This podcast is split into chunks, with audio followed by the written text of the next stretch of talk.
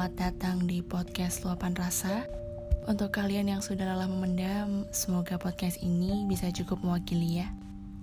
Oke, di podcast kali ini, di episode kali ini, gue mau ngebahas soal restu orang tua. Sebenarnya ini ada request dari orang di sekitar gue yang minta untuk ngebahas sih. Jadi, yang gue bahas di sini dari perspektif gue, yang mungkin benar atau salah, cocok atau enggaknya, sesuai atau enggaknya balik lagi ke pribadi masing-masing ya. Nah, kalau di umur-umur gue sekarang nih, pasti udah kepikiran untuk cari pasangan yang serius.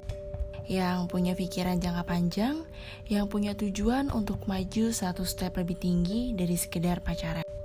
Itu artinya, yang jadi fokus bukan cuma pasangan lo aja, tapi juga keluarganya. Karena lo tahu ketika lo menikah, um, lo juga bukan cuma menyatukan lo dan pasangan lo, tapi juga menyatukan dua keluarga. Gak serta-merta egois, pokoknya gue mau nikah sama dia. Tapi lo nya masa bodoh sama keluarganya. Tapi juga bukan berarti lo harus berpura-pura cuma untuk mengambil hati keluarga pasangan lo. Gak juga ya. Gini deh, zaman sekarang emang banyak banget orang tua yang ikut serta mengambil peran dalam menentukan dunia anaknya, hidup anaknya. Karena mereka berpikir mereka tahu apa yang terbaik buat kita. Walaupun kadang gak semua benar. Kalau dipikir-pikir niat baik mereka pasti mereka mau hidup kita nanti bahagia. Pengen kita dapetin pasangan yang best of the best deh. Dan itu gak bisa serta-merta langsung disalahin. Kalau ngeliat orang tua kita selama ini kerja keras juga buat kita. Segitu giginya mereka banting tulang supaya kita bisa dapat kehidupan yang lebih baik, yang layak. Terus, masa dengan gampangnya mereka ngelepas anak yang udah mati-matian mereka usaha bahagiain orang yang menurut mereka belum meyakinkan. Tapi balik lagi, karena kita sudah beranjak dewasa, kita sudah dibekali pikiran yang logis, dengan berbagai pengalaman hidup nih yang udah pernah kita alamin, harusnya pun kita udah bisa lebih matang, lebih matang menentukan pilihan. Terlebih kan ini soal pasangan ya, yang bisa dibilang milih pasangan ini tuh sangat berpengaruh untuk jangka panjang. Kalau gue ada di posisi orang yang tidak mendapat restu dari calon gue, hmm, Hal yang akan gue lakuin pertama kali adalah introspeksi. Yang pertama, apakah gue dan pasangan gue ini sudah benar-benar yakin 100% untuk siap menjadi kita, bukan lagi aku dan kamu. Sudah siap menerima kurangnya seumur hidup, sudah yakin satu sama lain untuk bisa bertanggung jawab atas pilihan kita sekarang, dan sudah siap memaknai dan menerapkan kata saling di sisa-sisa hidup kita bersama. Karena kalau kita sendiri aja nih ternyata belum yakin, ya percuma. Kita mau berusaha pun, feelnya tuh gak akan dapet. Gimana lo bisa yakinin orang tua lo atau pasangan lo kalau lo sendiri aja belum yakin, ya kan? Kalau jawabannya memang sudah yakin, maka gue bakal lanjut ke step yang kedua. Ini sih poinnya yaitu cari tahu dan introspeksi kenapa orang tuanya nggak suka sama kita dan meyakinkan serta memantaskan diri. Dalam memantaskan diri itu bukannya kita berubah jadi orang lain, tapi jadi versi terbaik dari diri kita. Dan berjuang. Berjuang dalam doa, berjuang dalam tindakan di dunia nyata.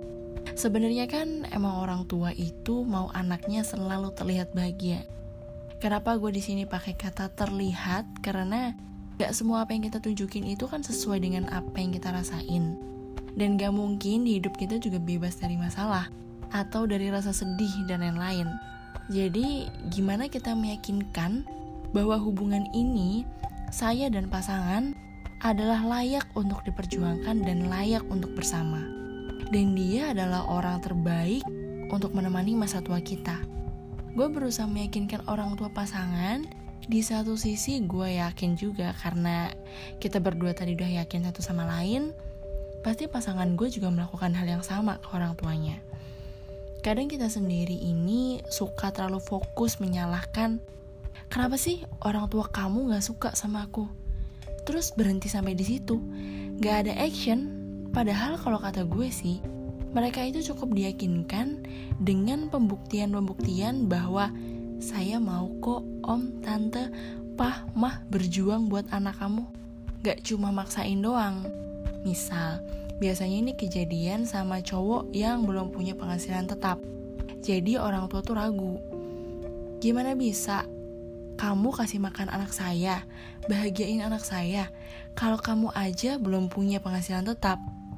Nah, lo tuh harus berusaha meyakinkan setidaknya walaupun penghasilan lo nggak tetap tapi lo ada usaha untuk kerja dan kerjaan itu bener. Lo udah siapin tabungan dari hasil penghasilan yang nggak tetap itu meminang pasangan lo meminang anak dari orang tua.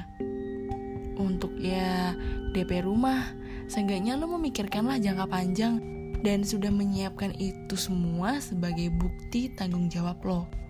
Jangan sampai lo justru malah ya ya udah mau gimana? Orang emang gue pengangguran. Orang tua lo nggak setuju ya udah kita udahan. Gue yakin kalau emang kita tulus orang tua tuh pasti bisa ngerasain kok bahkan kalau misalnya kita harus nunggu beberapa waktu untuk meyakinkan I think it's okay. Karena lo tahu kan ketika kita melakukan hal yang kita suka capek itu ada tapi nggak kerasa. Waktu itu ngalir aja. Nggak akan kerasa hmm, kok lama banget ya? Nggak. Karena kita nikmatin prosesnya karena kita suka.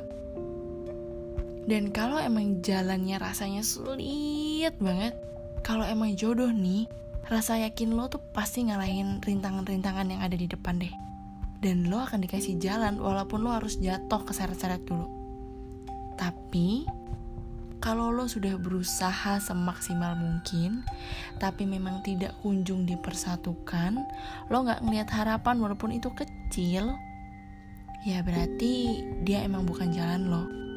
Mungkin Tuhan mau mengajarkan lo untuk berjuang, mau lo latihan jatuh bangun dulu mengobati luka sebelum menemukan jodoh lo yang sebenarnya. Mau lo tahan banting dulu, jadi pas lo dipertemukan dengan pasangan lo, ya lo sudah dalam keadaan siap Gitu aja. Pesan gue, inget, buat yang lagi ngalamin cinta terhalang restu, kalau lo yakin, perjuangkan dan selamat berjuang. Dan buat kalian yang harus rela hubungan kalian berakhir karena terhalang restu orang tua, tetaplah menjadi kuat, tetaplah menjadi baik, dan semoga Tuhan menyiapkan seseorang yang lebih baik di masa depan. Amin. Oke, okay, see you di podcast selanjutnya ya. Bye.